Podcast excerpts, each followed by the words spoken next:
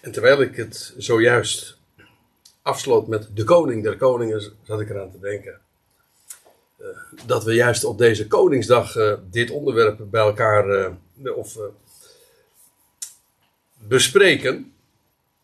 En zo waar, ik heb niet de koning der Nederlanden, maar de koning van het dierenrijk als een plaatje. al, al, al die avonden trouwens op eh, de titeldia geplaatst. En dat is omdat de Bijbel inderdaad koninklijk is en triomfeert.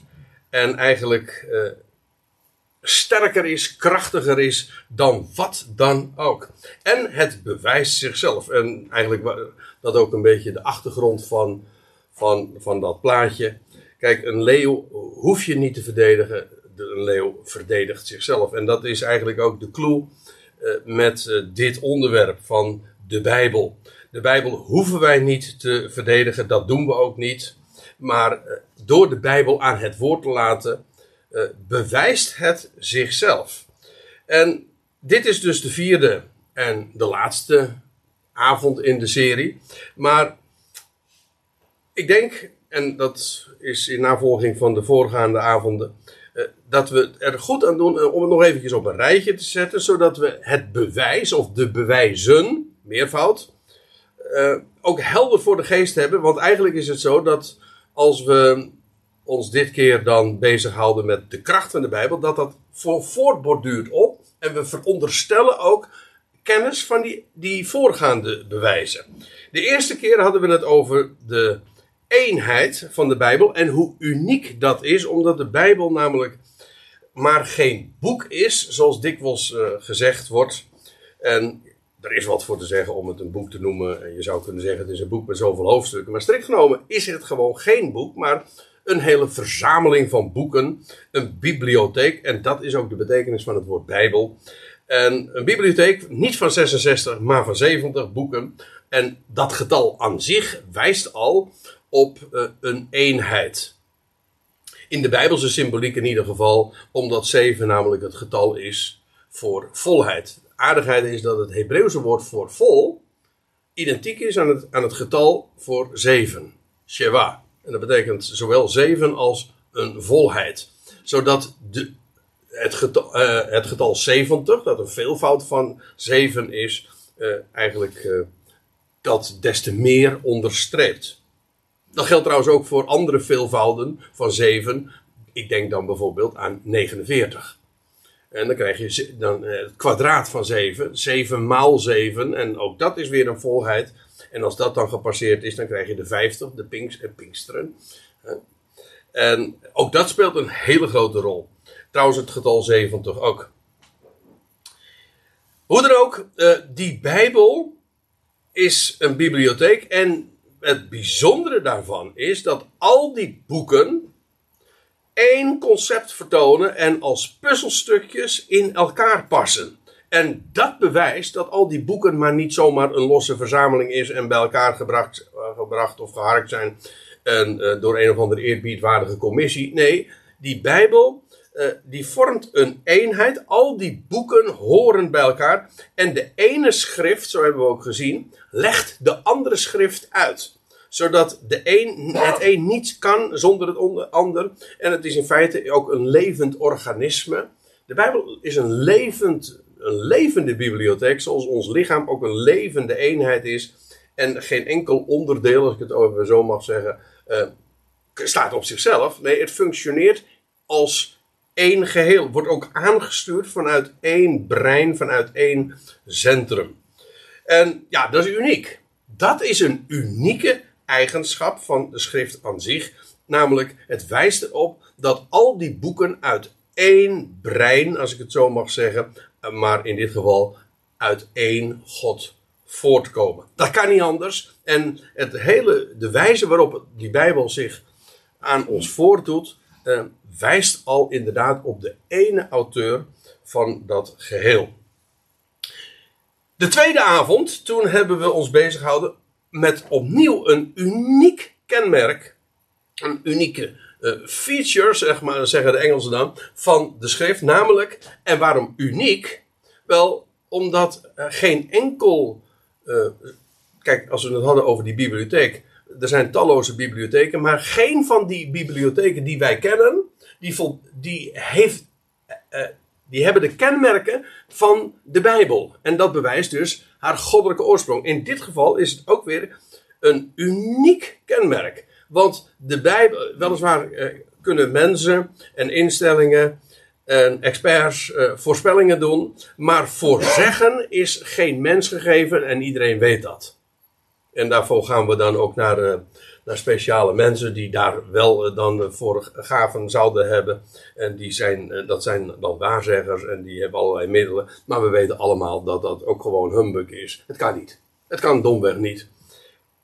Niet dat een voorspelling nooit eens een keer kan uitkomen, maar gewoon consistent dat de Bijbel zoals de Bijbel ook inderdaad spreekt over de toekomst, alsof het al gebeurd is. En zoals we dat in Jezaja lezen, die, dat uh, God van zichzelf ook zegt, ik die van den beginnen de afloop verkondig. En dat is uniek.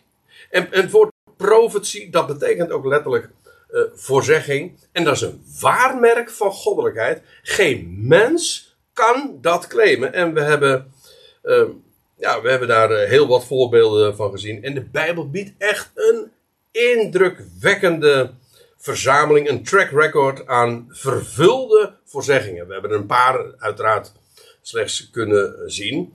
Maar ja, het, je zou er met gemak een hele serie aan kunnen wijden. Hoe inderdaad de schrift zich op deze wijze ook uh, daadwerkelijk bewijst.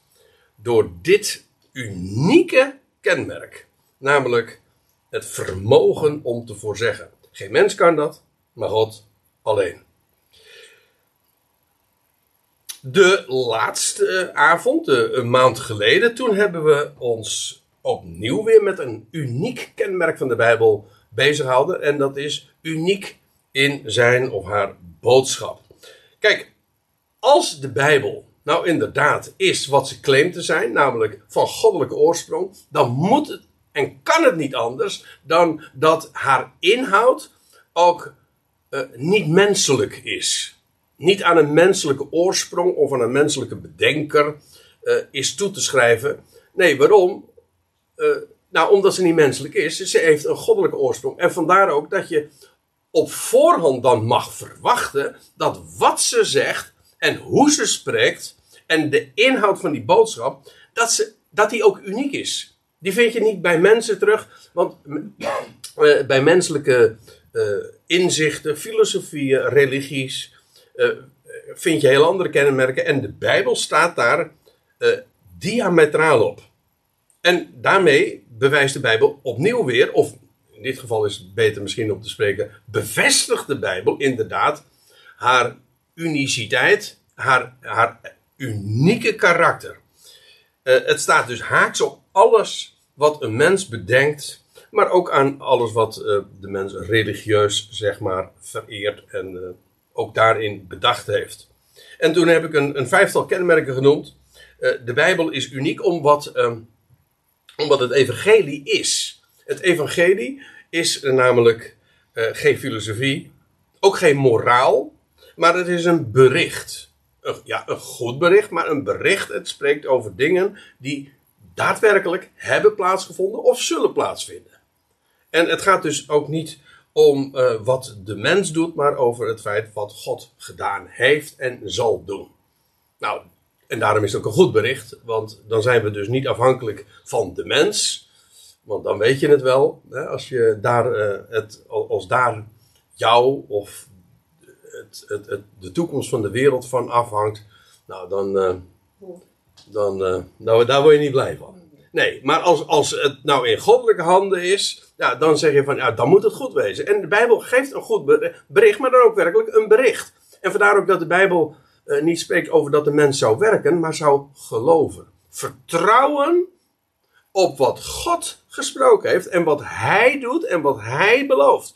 En ja, dan zeggen mensen, oh, dat is maar makkelijk. Dat is, heel, dat is heel makkelijk. Want het betekent namelijk dat alles van hem afhankelijk is. Maar juist dat is ook die enorme rust. Goed, dat is één kenmerk. Uh, ze is, ja, ik heb een aantal dingen aangestipt waarin zo duidelijk blijkt dat ze inderdaad uniek is. In, wat ze leert over het hiernamaals is volstrekt uniek, omdat alle menselijke religie gaat echt zonder uitzondering altijd ervan uit dat de mens niet echt doodgaat, maar hij leeft op een andere wijze voort. Dat is altijd zo. Ongeacht of je nou in het oosten komt met reïncarnatie of uh, meer de westerse pendant ervan, uh, de onsterfelijke ziel. Maar in alle gevallen, zegt men, is het een ontkenning van de dood. De Bijbel doet dat niet. De dood is dood. Alleen het is niet het laatste. God uh, wekt, ja, dat is de boodschap van het Evangelie. God wekt de doden op. Maar het is geen ontkenning van de dood. En daarmee is de Bijbel dus ook uniek over, over het hiernamaals. Ze is ook uniek in wat ze leert over de oorsprong van het kwaad. Waar uh, eigenlijk alle filosofie in het duister tast en God zegt, heel laconiek, maar ook heel triomfantelijk dat God in Jezaja, uh, wordt dat heel expliciet gezegd, ik, zegt Jawel dan zelf, die uh, de, het licht en de duisternis maakt, maar ook het goede en het kwade maakt. Ik, de Heer, doe al deze dingen. Dat wil zeggen, Hij is de creator van alles en bij Hem gaat er nooit iets mis. En al die minnen maakt hij tot plussen. En ja, dat is ook uniek. Uniek wat ze daarover uh, te bedden brengt. Over de zin en het doel van de schepping ook.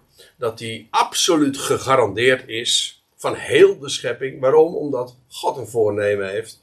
En ja, daarin, uh, en dat is tevens het vijfde wat we de vorige keer hebben gezien. Uniek ook in wat ze over, leert over wie God is. Alles is uit hem, alles is door hem, alles is tot hem. Alles.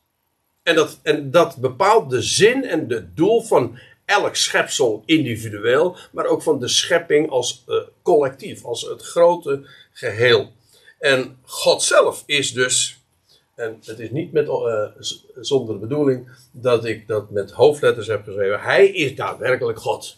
De plaatser, de beschikker van alle dingen. Ja, dat is de God van de Bijbel. En die boodschap is uniek. In alle opzichten. Nou.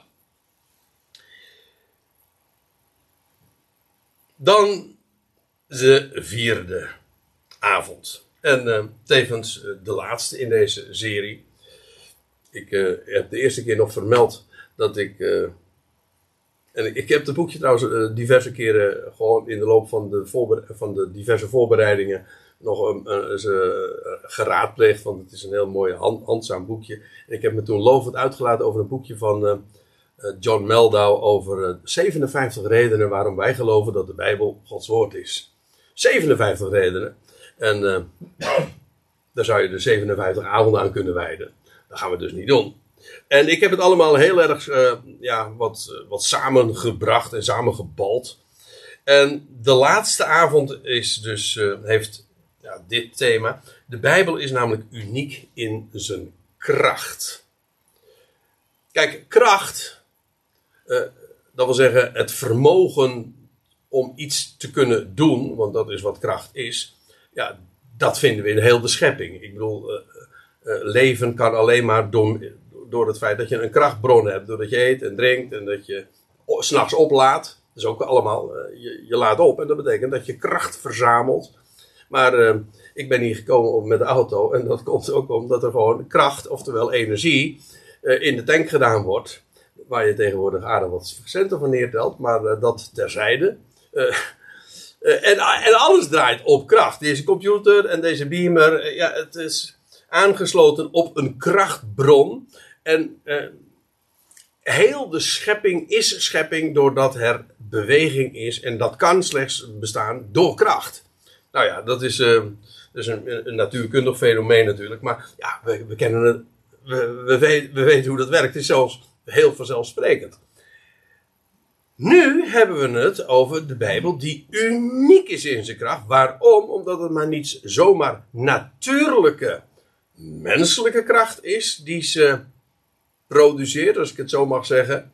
Nee, het is goddelijke kracht. Wat je dus ook van de Bijbel mag verwachten. Als de Bijbel inderdaad het woord van God is, dan is uh, het woord wat ze uh, spreekt, heeft, uh, ja, het is oké, het is een eenheid, het is betrouwbaar, het is uniek qua inhoud. Ja, maar het heeft ook een power die je alleen maar mag, en, maar ook kan uh, verwachten van de Bijbel. Als het inderdaad de, de, de, de woorden Gods zijn die daarin staan opgetekend, ja, dan is dat een kracht die in zichzelf uniek moet zijn. Dat claimt ze. En ik uh, wil uh, zo vanavond ook een, een heel aantal, ook weer vijf trouwens, een handvol voorbeelden daarvan geven. En ik ben me er heel goed van bewust dat dat, dat bepaald niet compleet is. Maar ook hier heb ik weer even ja, het geprobeerd om dat zo bazaal mogelijk te benaderen. En, en ik wil een vijftal dingen noemen. Dus waarin die kracht van de Bijbel, de unieke kracht van de Bijbel ook blijkt. En meer dan nog de voorgaande avonden kwam ik er nu al achter dat eh, zeker bij een aantal eh, van de punten die ik nu ook ga noemen, dat uh, ja, daarover is heel veel te zeggen.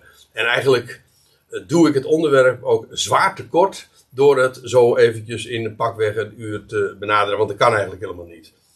Dus ik, ik hoop dat jullie als luisteraars dat mij vergeven. Maar toch wil ik het genoemd hebben. En eigenlijk is op sommige vlakken en punten mag het dan slechts een aanzet zijn om, om dat nog eens nader te bezien.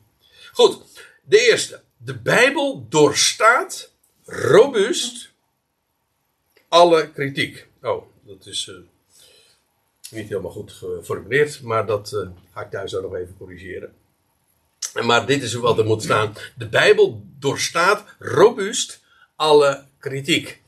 Dat is wat je van de Bijbel mag verwachten. Als de Bijbel inderdaad de woorden Gods zijn, dan, uh, dan is ze zodanig dat ze krachtiger is dan welk mensenwoord ook. En ja, we moeten vaststellen Neem me kwalijk. We moeten vaststellen dat de Bijbel het meest geliefde boek, en u ziet hoe ik me dan verontschuldig door tussen aanhalingstekens te plaatsen. Uh, want ik heb natuurlijk de hele tijd betoogd dat het een bibliotheek is. Maar goed, voor het gemak, we noemen het dan toch even een boek. Prima. Het, de Bijbel is het meest geliefde boek. Dat durf ik rustig zo te zeggen. er is, als je als je dat zo zou, zou bevragen van welk boek, gewoon een enquête over de hele wereld, welk boek, gewoon door de eeuwen heen, heeft zoveel, is zo geliefd als, als de Bijbel. nou, dan, dan staat de Bijbel echt met stip bovenaan. Maar ik moet erbij zeggen dat dat de ene kant van het verhaal is, want de Bijbel is ook het meest gehate boek. In de loop der eeuwen. En heel eigenaardig, als je dat eventjes, als je daarover doordenkt, dat, dat de Bijbel ook eeuwenlang een verboden boek is geweest in de, en dan heb ik het over de Rooms-Katholieke Kerk. En uh, noem mij simpel, maar uh, ik leg daar, ik zie een direct correlatie met, het, met het fenomeen van de duistere middeleeuwen. Zo, zo wordt over de middeleeuwen gesproken. Eeuwen waar eigenlijk heel weinig gebeurde, maar die vooral gekenmerkt werden door religieuze duisternis. Maar dat is ook in de tijd geweest dat de Rooms-Katholieke Kerk als instituut gewoon ook ja, de absolute heerschappij in de westerse wereld had. En die tijd was de Bijbel ook een verboden boek. Dat wil zeggen, het mocht niet gelezen worden door de gewone leek. Want eh, u weet, de Rooms-Katholieke Kerk maakt een strikte scheiding tussen de geestelijken. Zij die een ambt bekleden en die eigenlijk uh, via, via, via door de paus van Rome zijn aangesteld. Het instituut en de gewone leken. Want hoe zei de paus dat ooit? En uh, ja, uh, elke ketter heeft zijn letter. En aangezien als je dus de Bijbel zomaar beschikbaar zou stellen aan, aan iedereen. Dat is geen goed idee, want dan gaat iedereen, dan gaat iedereen zelf nadenken. Eh, maar dat betekent ook dat, ieder, dat, dat, dat, dat je een, een, een, kik, een kruiwagen met kikkers krijgt. Die, die hou je nooit bij elkaar. En uh, daar heeft hij trouwens, eerlijk is eerlijk, daar heeft hij op zich gelijk in. Denk ik. Ja, nou denk ik. Het is gewoon een vaststelling. Of je dat leuk vindt of niet. Maar uh, als argument om de Bijbel dus maar aan banden te leggen en te verbieden om te lezen. Ja, dat is, dat is de omgekeerde wereld. De, de Bijbel zou je, de, de woorden Gods zouden, als, laat ik het zo zeggen. Aan Israël ooit, uh, je leest van uh, de Joden, van de besnijders, dan lees je in Romeinen 3 dat Paulus dan de vraag stelt: wat is het voorrecht van de Jood? En dan zegt hij in de eerste plaats dat aan hen de woorden God zijn toevertrouwd. En, en dat betekent dat het aan hen in beheer is gegeven. Maar waarom? Niet om het te bewaren en, en, en, om, en om niks mee te doen. Nee, juist om het te beheren, zodanig. En ook om het te, distribueren, om het te verspreiden, om de kennis ervan. Uh, ja, want God heeft er geweldige dingen te melden. En die zouden doorgegeven te worden. Tot een, om tot een licht voor de natieën te zijn. Nou, dat betekent dus dat. Uh, in dit geval hebben we het over de Rooms-Katholieke Kerk, die dat allemaal juist verbood. Heel, uh, ja, dat is een hele kwalijke zaak. En het is ook logisch. Want als je de Bijbel namelijk beschikbaar stelt aan de mensen, dan komen ze erachter, door het lezen en het onderzoeken van de Bijbel, dat het instituut niet deugt. Dus het zou zelf destructief zijn om dat vrijelijk beschikbaar te stellen. Ik moet erbij zeggen, dat geldt niet alleen voor het instituut van de Rooms-Katholieke Kerk. Maar dat uh, terzijde. Trouwens, dit is eigenlijk. Kijk, waar ik het nou over had. Uh, lang, uh, eeuwenlang verboden in de Rooms-Katholieke Kerk. Dat is eigenlijk een heel vroom voorwensel geweest. Notabene de christ, een christelijk religieus instituut. In die dagen in feite het enige instituut. Christelijke instituut. Dat verbiedt om aan het gewone volk om de Bijbel te lezen. Ja, nou, daar, de, hoe kun je dat beargumenteren? Dan moet je er een vroom voorwensel voor hebben. En die hadden ze ook. En die noemde ik zojuist ook. Maar er zijn natuurlijk uh, veel uh, andere, uh, heel andere verboden.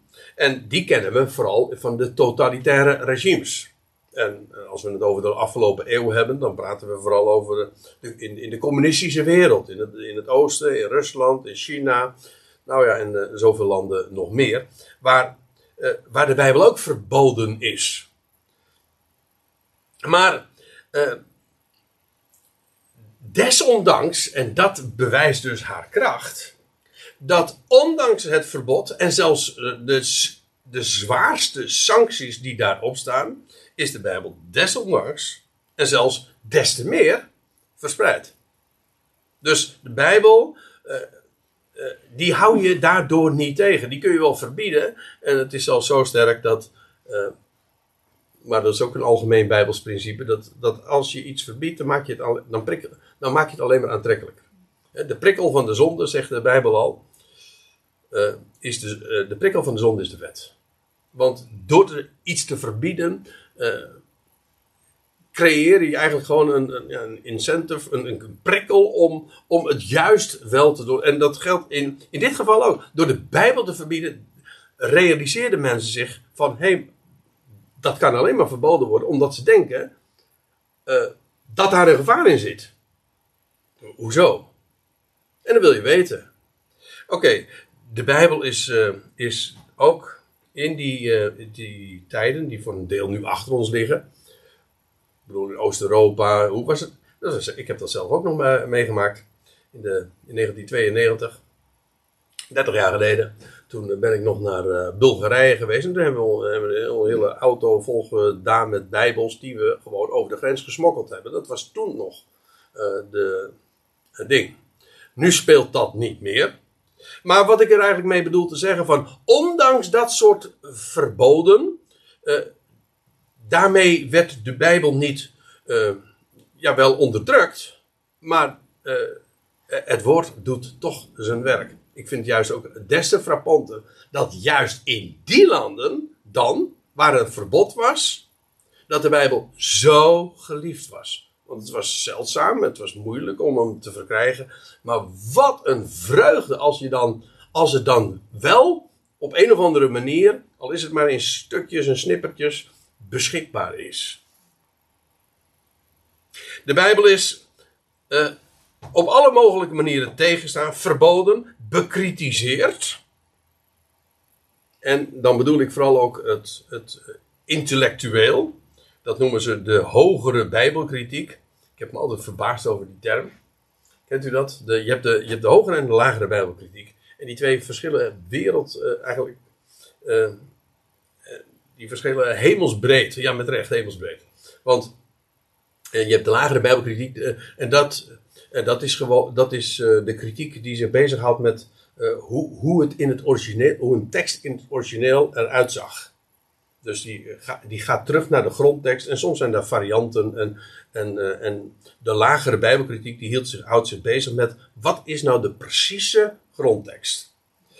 En dat is een prima wetenschap natuurlijk, want uh, dat is uiteraard juist datgene wat we willen weten. De hogere Bijbelkritiek heeft daar niets mee te maken. De hogere Bijbelkritiek die hield zich bezig, die, die zegt, ja, die benadert de Bijbel in feite heel gedesintegreerd. Die neemt de Bijbel zelf niet serieus. Kijk, de Bijbel zelf claimt een eenheid te zijn. En de schrift legt zichzelf uit de hogere Bijbelkritiek zegt van nou, wij, als wij de Bijbel lezen, doen we dat op onze manier en op onze wetenschappelijke wijze. Maar de grap is, ja, ik vind het ook wel weer heel erg grappig. Want de Bijbel laat zich, dat zegt ze zelf trouwens ook, ze laat zich niet verstaan voor wie haar niet serieus neemt. Dus als op het moment dat je de Bijbel uh, gedesintegreert, dat wil zeggen eigenlijk als, als, als een losse verzameling van stukjes en boeken en geschriften en documenten benadert, en je gaat dat eh, bestuderen, dan ben je op voorhand eigenlijk al fout voorgesorteerd en dan zul je de Bijbel nooit kunnen verstaan zelfs. Dus de Bijbel uh, sluit zich toe en uh, die bedekt zich op het moment dat een mens eigenwijs de Bijbel benadert. En dat vind ik, en ik vind dat mooi, want dat betekent dus dat de Bijbel alleen maar verstaan kan worden door degene die haar ook leest volgens de regels die ze zelf presenteert. En doe je dat niet, nou dan uh, tot je dienst, maar dan zul je hem nooit begrijpen. En ja, dat is een heel apart uh, fenomeen, dat, dat de Bijbel zich alleen maar in feite toegankelijk is voor degene die haar serieus neemt. En dus ook aanneemt op voorhand de sleutels die ze zelf aanreikt, laat ik het zo zeggen. En, al, ja, en eh, dit is een van die punten die ik zojuist bedoelde met van ja, uh, dat kan ik natuurlijk nu in twee minuten of drie minuten wel eventjes aanstippen. Maar dit is natuurlijk een onderwerp zo kolossaal. Misschien dat we na de pauze daar nog wat, uh, wat over door kunnen spreken. Maar de, als ik stel van alle wetenschappelijke, tussen aanhalingstekens, aanvallen, heeft ze getrotseerd. En er zijn, daar zijn prachtige voorbeelden van te geven. Uh, hoe, uh, hoe men de Bijbel bekritiseert. Het boek Genesis, over dat, men gezegd heeft, oh die koning heeft nooit bestaan. Dat zegt de Bijbel wel, maar het is niet zwaar. En dat bij nader inzien dat wel degelijk uh, de Bijbel. Ik heb een boek trouwens in de kast staan, had ik in de kast staan, van ene Keller. En dat, heet, dat is zo'n dik boek. En dat heet De Bijbel heeft toch gelijk. Een mooie titel. Eh, ja, daar ga ik op voorhand al vanuit. Maar dat blijkt ook iedere keer weer. En dan geef ik voorbeelden. Uh, herinner ik me ook over het boek Daniel. Waarvan men, men zegt van ja, dat boek Daniel, dat is toch, dat, ja, Daniel, dat is vijf, zes eeuwen voor onze jaartelling. En die geeft zulke nauwkeurige voorzeggingen. En dan zeggen ze, ja, dat kan dus nooit zo'n oud boek zijn. want die voorzeggingen zijn zo nauwkeurig uitgekomen dat uh, dat gewoon achteraf ingevuld is. En dan blijkt bij nader inzien dat, er bij, dat Daniel wel degelijk veel ouder is dan zij beweren. Maar waarom, waarom geeft men zo'n verklaring? Omdat men op voorhand eigenlijk al niet gelooft dat, de, dat God kan voorzeggen en dat er, dat er zoiets bestaat als profetie. Ja, dus als je dat op voorhand al aanneemt, ja, dan betekent dus dat je uh, eigenlijk al uh, niet toegankelijk bent voor het bewijs. Want je redeneert dat op voorhand al weg. Dat is net zoiets als dat jij zegt van ja, ik geloof niet in een God. Uh, in, in, ja, dat betekent dat dat betekent dus dat alles vanzelf ontstaan moet zijn, toch? als er geen God is en geen schepper is, ja, dat betekent dus dat alles vanzelf ontstaan moet zijn. En dat betekent dus dat je gedwongen bent, je hebt geen eens een alternatief.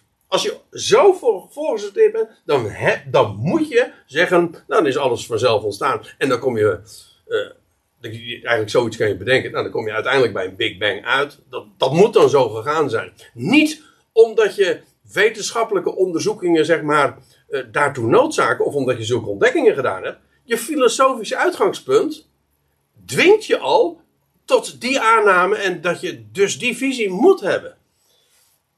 Maar goed, uh, ik zei al, uh, er zijn zoveel voorbeelden van. En al die uh, aanvallen, ook van wetenschappelijk-academische aard, ze heeft ze glansrijk doorstaan. Dat geldt trouwens ook voor alle smaad die de Bijbel treft. Ik bedoel, verboden, alle kritiek, meer academisch van aard, maar ook alle smaad die ze heeft ondergaan. En ik bedoel, we krijgen er eigenlijk dagelijks mee te maken luisteren op de radio, kijken op televisie, op internet. en dan krijg je dat soort kwalificaties dat het een achterlijk boek is. Of hoor ik onlangs Johan Derksen nog zeggen: oh, de Bijbel is gewoon, een, is gewoon een sprookjesboek. Of uh, andere mensen zeggen van die Bijbel die, uh, die deugt niet, want die, die discrimineert. Of uh, de religieuze variant is: de Bijbel is gevaarlijk, want als je haar gewoon leest, dan kom je tot kettersachtige gedachten. Eh, maar het is allemaal smaad. Het is allemaal smaad van de Bijbel. Ja. En uh, wordt de Bijbel daar minder van? Nee, dat vind jij zo mooi. Die, uh, dat, dat, die, die stortvloed aan kritiek en verboden en smaad, die er gewoon in de loop van de eeuwen allemaal op de Bijbel afgekomen zijn. Ja, al die criticasters, als je het eventjes in het grote geheel bekijkt, die, uh, die leven niet meer. En de Bijbel die staat gewoon nog en doet zijn werk. En is nog net zo solide en zo betrouwbaar. En ik moet dan denken aan uh, wat je leest in, uh, van de Heer Jezus, dat hij zegt van een wijsman die bouwde zijn huis op de rots, weet je wel. En de regen stroomde neer en de vloed kwam op en de stormen, weet ik van allemaal dat het erop afkomt. Nou, hartelijk welkom allemaal weer. We zijn ineens uh, abrupt onderbroken doordat uh, mijn mobiel uh, niet opgeladen bleek te zijn, niet verbonden was met de krachtbron. En dan krijg je dit. En als het goed is, is zijn de eerste drie punten allemaal keurig opgeslagen op de camera. In ieder geval, wij, wij gaan verder. We hebben inmiddels gepauzeerd.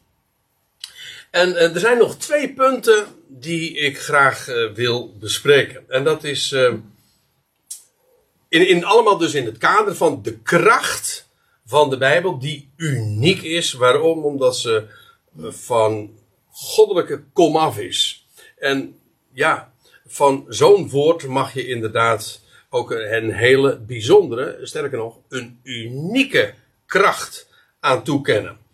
En het laatste wat we gezien hebben is de, de Bijbel als, als krachtbron van beschaving. En uh, dit keer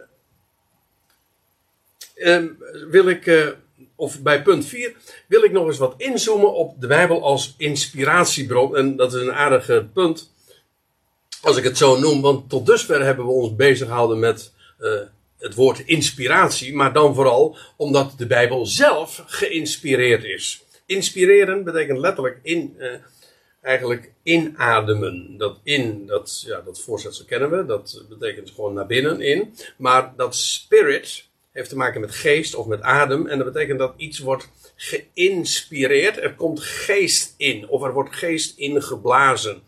Vandaar ook, uh, het, het komt ook eigenlijk uit uh, 2 Timotheus 3. Waar, waar we lezen dat al de schrift van God ingeblazen is.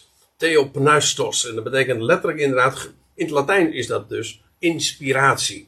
En zoals Adam ook geïnspireerd werd. Hij werd genomen uit de stof van de aardbodem, lees je. En God blies in hem en alzo werd Adam een levende ziel.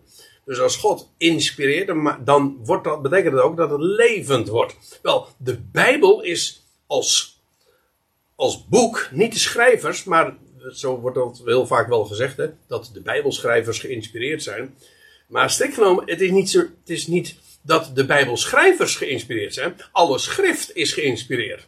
Dus dat wat er staat opgetekend, dat is levend woord.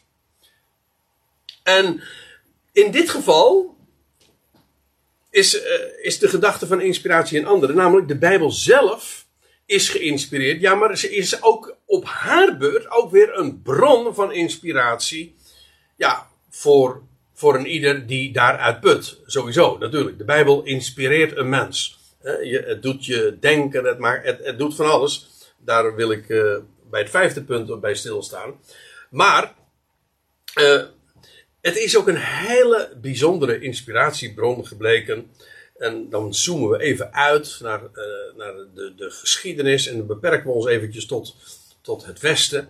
Maar dan blijkt het ook een enorme inspiratiebron voor kunst en wetenschap te zijn. Aan de wieg, en dat is het eerste wat ik er eventjes uh, wil uitlichten. Aan de wieg van de hele moderne natuurwetenschap.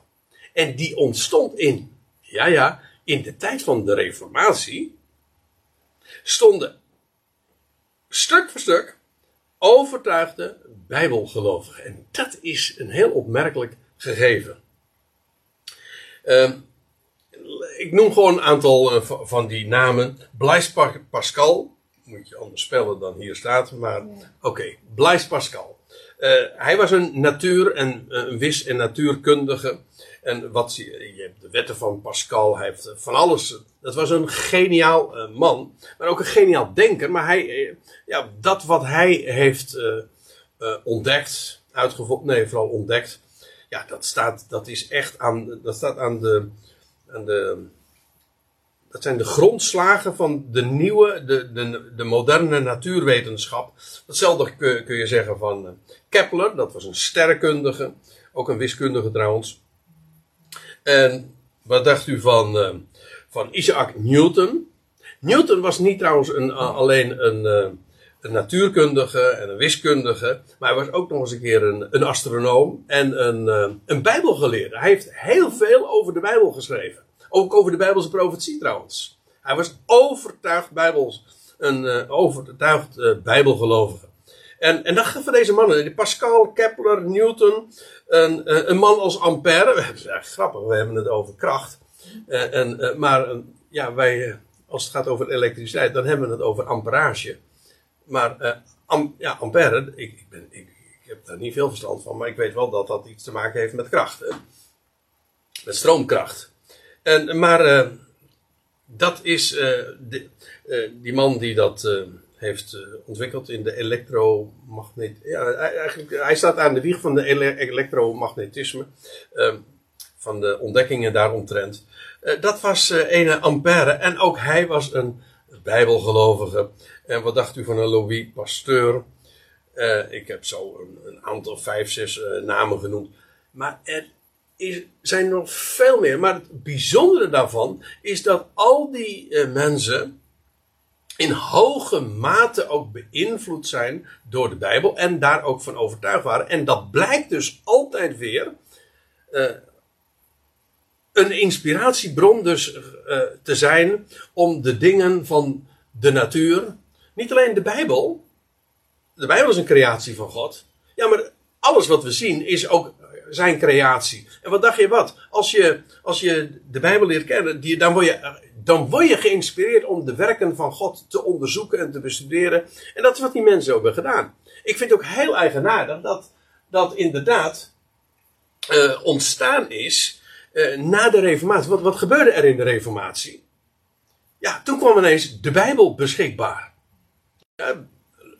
Het was Luther die inderdaad je kunt van alles over de Reformatie zeggen, maar wat hij op de, weer echt heel duidelijk op de kandelaar heeft gezet, is: we, de mensen moeten bij de Bijbel worden gebracht. Sola scriptura. Ja, en ja, dat betekende natuurlijk ook dat ze, ze losgeweekt werden van het instituut, van de Rooms-Katholieke Kerk in dit geval. Maar eh, die, die Bijbel ging uh, zo'n grote rol spelen, maar kwam bij de mensen. Maar dat, daardoor gingen mensen ook denken, ze werden geïnspireerd door de kracht van de Bijbel, maar ook om dus de dingen te onderzoeken en de natuur en, de, en Gods werken te, te bestuderen.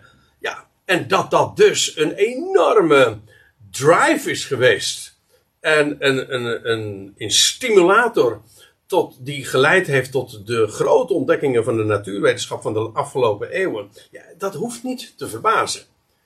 In die zin bewijst of bevestigt op zijn minst ook dit weer de enorme impact die de Bijbel heeft om, ja, in dit geval ook de, uh, de wetenschap, om, om te onderzoeken, om te bestuderen, om je hersenen gewoon te gebruiken waar ze voor gegeven zijn door de schepper. Wat ik ook een heel eigenaardig uh, fenomeen vind, is dat een van de belangrijkste uitvindingen in de westerse geschiedenis, zonder enige twijfel, is die van de boekdrukkunst. En dat is, uh, dat is begonnen in uh, 1468, nou dat zeg ik niet helemaal goed.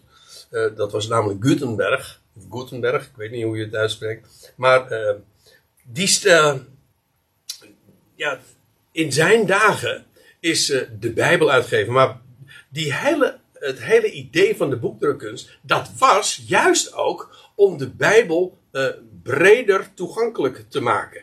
Dat, juist dat verlangen heeft de technologie om, van de boekdrukkunst, zeg maar, ook uh, op een hoger plan gezet. En, je, en het is ook niet zo gek dat dat vervolgens ook een enorme stimulator is geworden voor voor de reformatie, die juist ook zei van sola scriptura, de schrift, daar moet je wezen, daar moeten de mensen wezen. Ja, en, maar dan is het wel, dan is het wel erg handig als mensen ook de Bijbel, zeg maar, binnen handbereik krijgen. Nou, dat was de, de, dus het viel samen. En ja, die boekdrukkunst is een enorme, uh, een enorme uitvinding geweest. Maar dat was ook primair uh, ten dienste van de Bijbelverspreiding. Het eerste boek, zo u wilt, bibliotheek, die, ge, uh, die gedrukt werd, dat was de Gutenberg-Bijbel. En waaruit ook weer opnieuw blijkt hoe de Bijbel inderdaad een enorme impact heeft gehad, juist ook voor, uh, voor de technologie, maar ook voor de natuurwetenschap. En dat niet alleen. Want als we nu ons uh, eventjes uh, op het artistieke vlak begeven, wat voor mij vrij tricky is, maar goed, we, uiteindelijk, we, weten er allemaal wel wat van. maar één ding is ook onmiskenbaar. Er is geen boek, ik heb het weer tussen aanhalingstekens gezet, dat zozeer kunstenaars heeft geïnspireerd Ongeacht of dat nou muzikanten waren, of schilders, of beeldhouwers, of architecten. Als de Bijbel. En ja, ik uh, denk aan uh, een Leonardo da Vinci.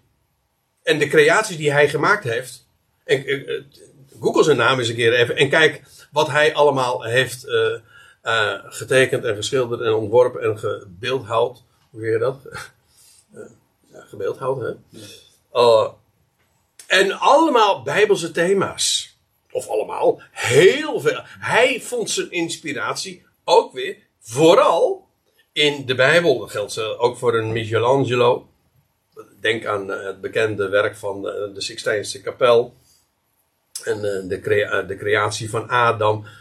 Uh, en, goh, maar uh, hou op, zeg. Er is, er is zoveel. Maar allemaal bijbelse thematiek die die de kunst, zeg maar, domineerde. En, en dat betekent gewoon dat je kunt zeggen van ja, dat waren geweldige genieën die dat, die dat zo tot expressie konden brengen. Ja, dat, dat is waar. Dat waren genieën. Maar tegelijkertijd, zij werden geïnspireerd door verhalen, door documenten, door woorden, door de Bijbel. Die voor hen zo rijk was, dat ze juist dat kozen om dat tot uitdrukking te brengen. Dus het is niet alleen maar hun vaardigheden en hun bijzondere kwaliteiten die zij persoonlijk hadden, Maar ook dat waar zij uit putten, dat is zo rijk, dat is zo groot. En daarin blijkt ook weer de impact van de Bijbel. En wat dacht je van onze eigen nationale held, Rembrandt van Rijn?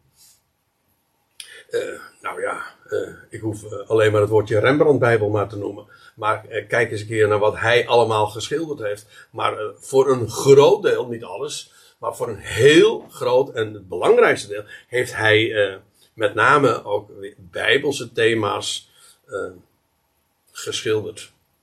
En dat zijn ook zijn. Dat, zijn, dat, dat, zijn ook wel echt juweeltjes hoor. Ja. Van, denk aan de, aan de verloren zoon. Juist uh, afgelopen zondag heb ik die nog uh, bewonderd. Dat is zo geweldig.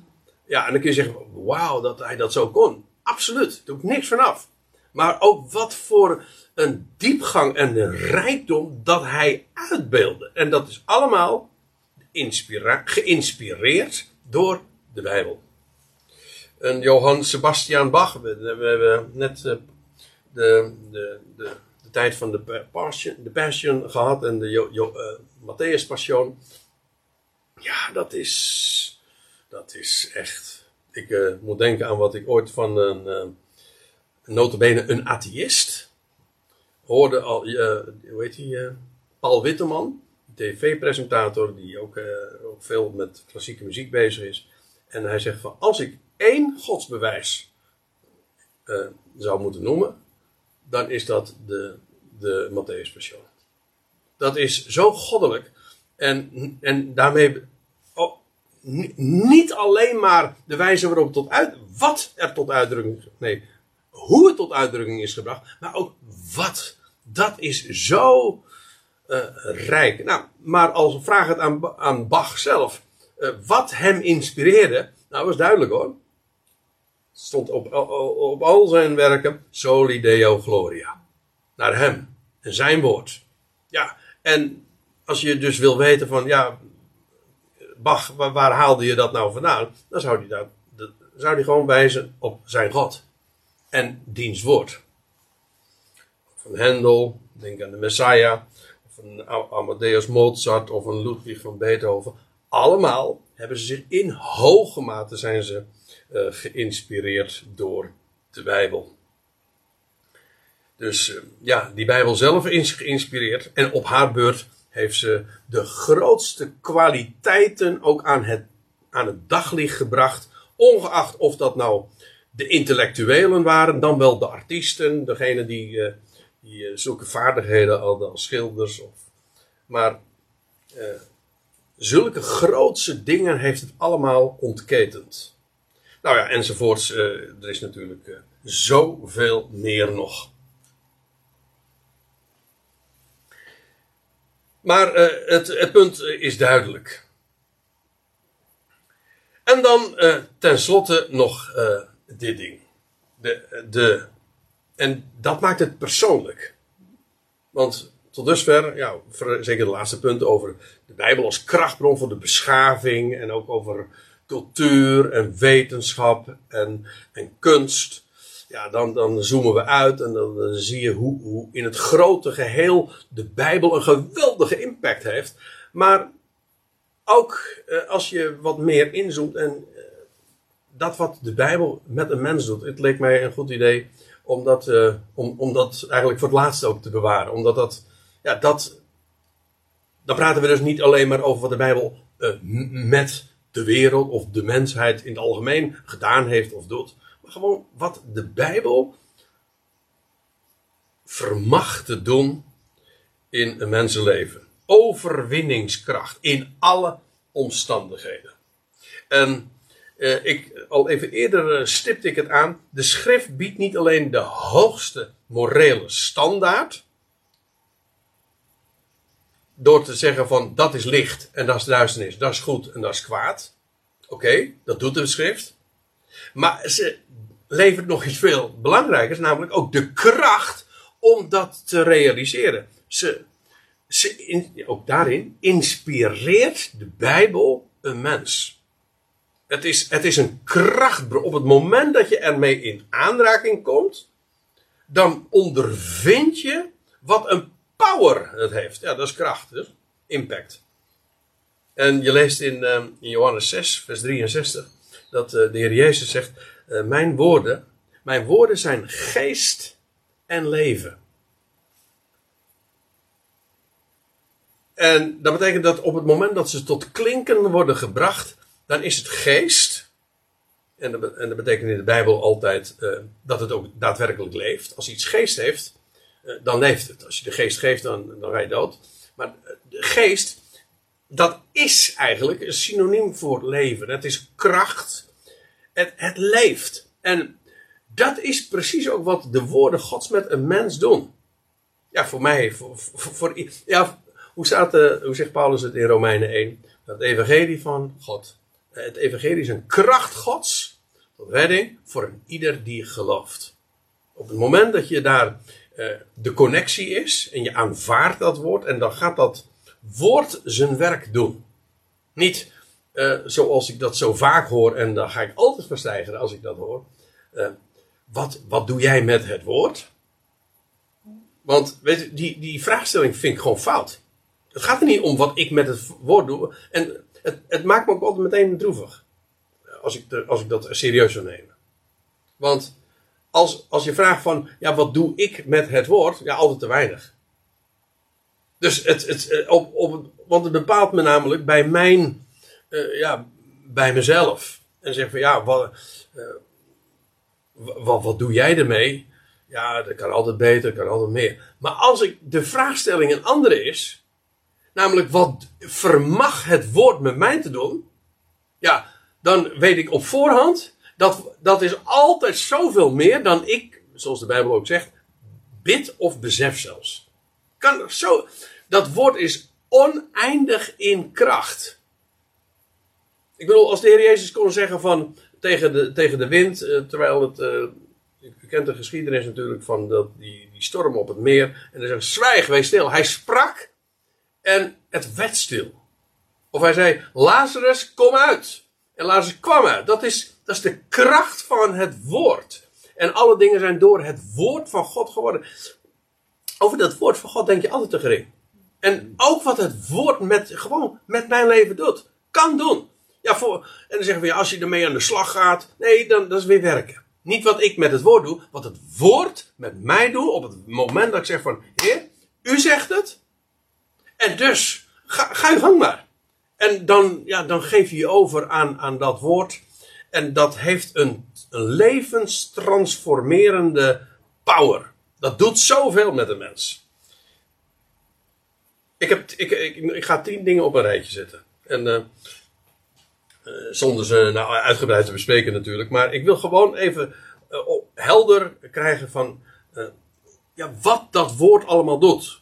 Ook dat is, tien vind ik een mooi getal. maar ook daarvan zou ik er wellicht 57 kunnen maken. Doen we niet. ze hervormen, in tamelijk willekeurige volgorde. Ze hervormen het denken. Romeinen 12 vers 2 hervormen. Er staat trouwens in het Grieks het woordje metamorfose. Een totale ver, gedaanteverwisseling van het denken. Ook daar weer wordt hervormd door de vernieuwing van je denken. En, en het, het, het corrigeert je, het, het, je, je denken. En het vernieuwt je denken. En uh, zoals we in de pauze zeiden van. Uh, uh, sommige mensen zeggen dan met trots van. Nou, ik denk nog net zoals 30 jaar geleden. Nou, dan ben je dus niet hervormd in je denken. Want dat betekent, want steeds vernieuwd worden in je denken wil zeggen, er komen nieuwe dingen tot je. En die, die, verwer, die, die worden verwerkt. En waardoor je het ook weer nieuwe dingen gaat zien. En op basis van die nieuwe dingen ga je weer nieuwe dingen. Weer. Want weet je wat het mooie van Bijbelstudie is? Ik vergelijk het wel eens een keer met een, uh, met een spiraal. En je, je gaat. Je leest de Bijbel, je onderzoekt de Bijbel. En je zou zeggen van nou, iedereen. En op een gegeven ogenblik zou je zeggen van nou, ik heb al die boeken gelezen. Nou, dan vraag ik me trouwens af, maar goed. Uh, laten we daar even van uitgaan.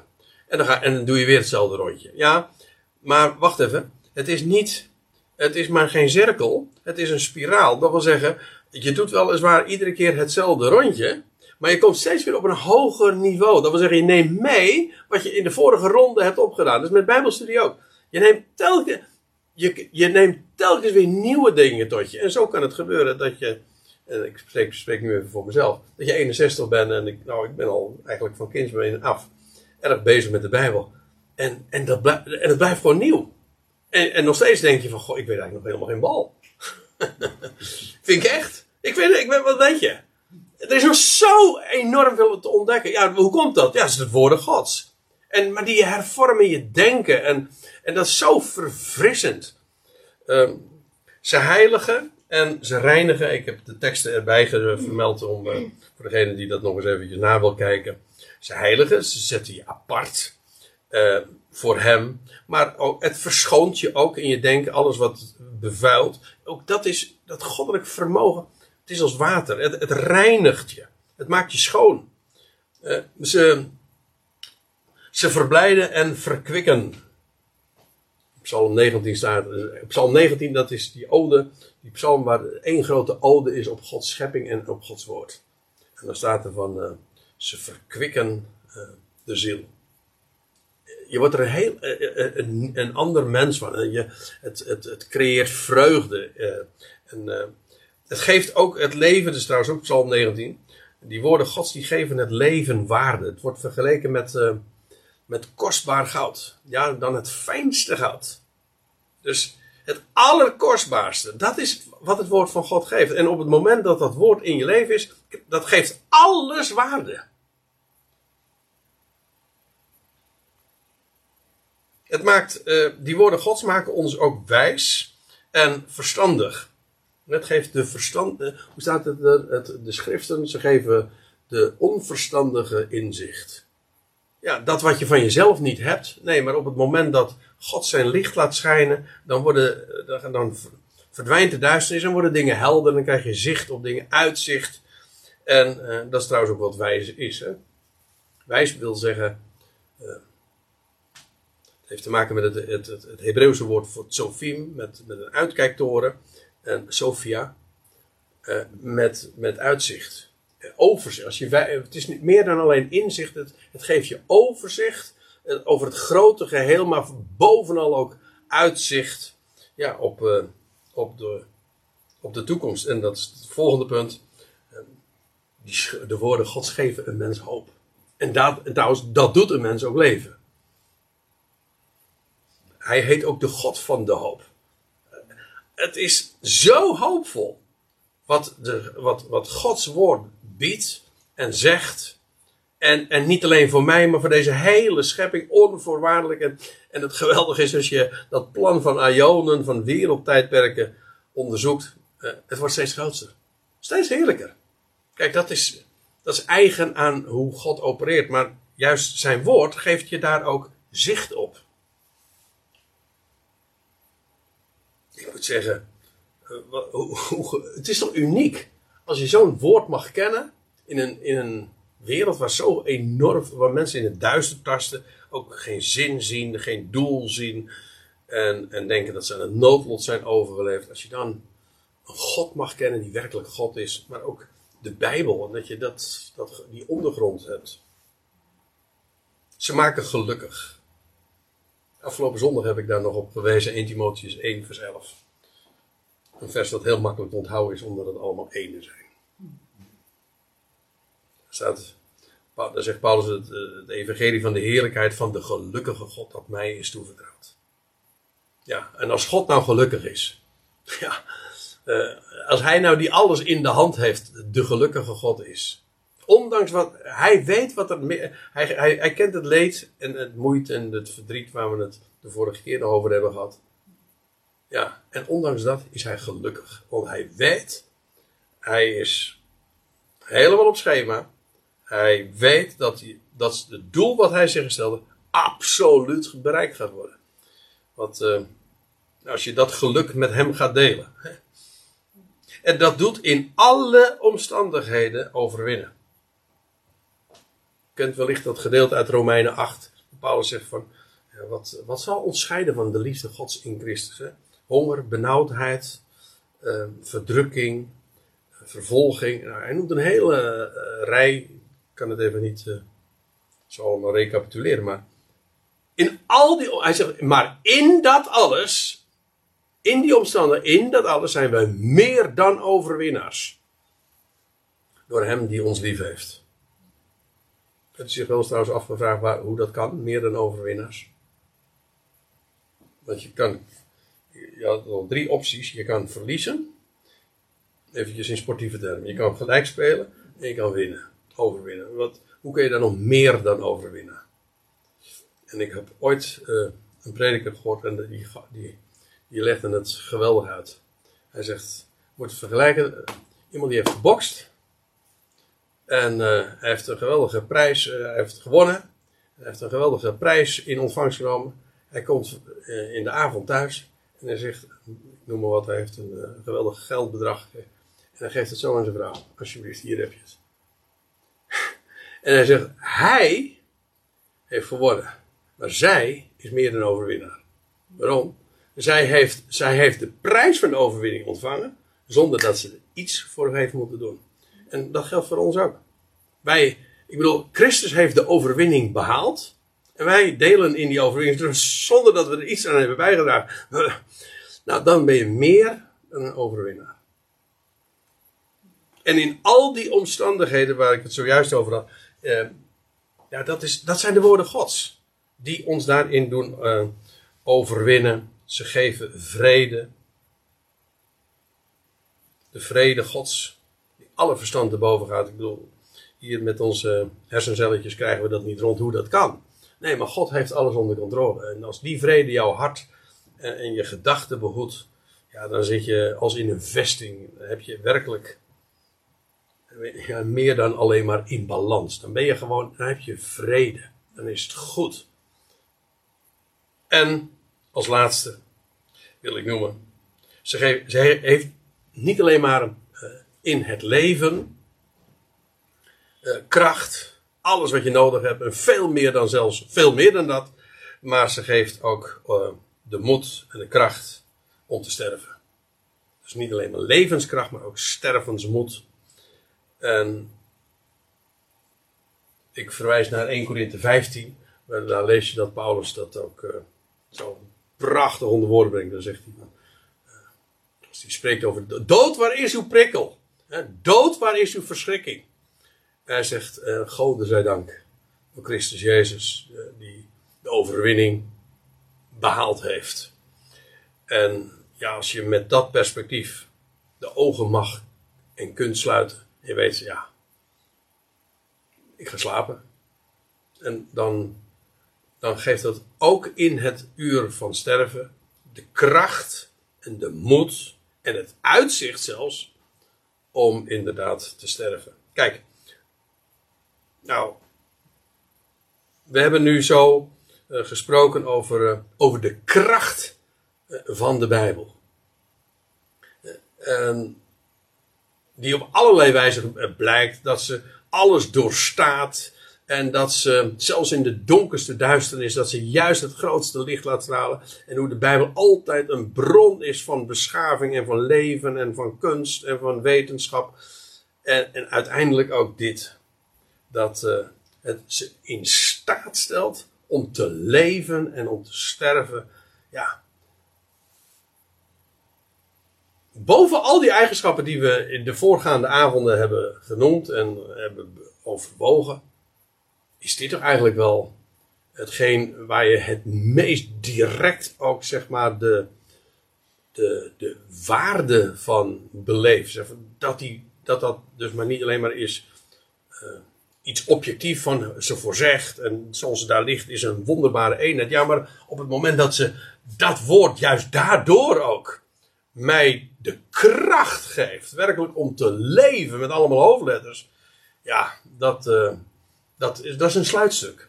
En daarin bewijst de Bijbel ook weer uh, zichzelf. Misschien is zelfs dit laatste punt al het meest indrukwekkende. Gewoon subjectief gesproken. Voor, hoe, hoe, weet je, hoe weet je nou dat de zon warm is? Daar kun je allerlei argumenten voor, uh, uh, voor geven. Zeg van ja, maar ook die, die zon die geeft zoveel, uh, straalt zoveel warmte af. En je kunt er boeken bij halen. En je kunt er hele, hele wetenschappelijke beschouwingen over houden. Ja, maar het simpelste argument is: ik weet dat de zon warm is. Nou, ik heb, ik heb, de, ik heb de warmte zelf gevoeld. Gewoon, ga in de zon liggen en, en, en, en, en voel en ervaarde het licht. en, en, en de warmte ervan. Ja, maar dat is het woord. Het woord geeft werkelijk kracht. En ik stel voor dat we het uh, daar voor vanavond bij laten.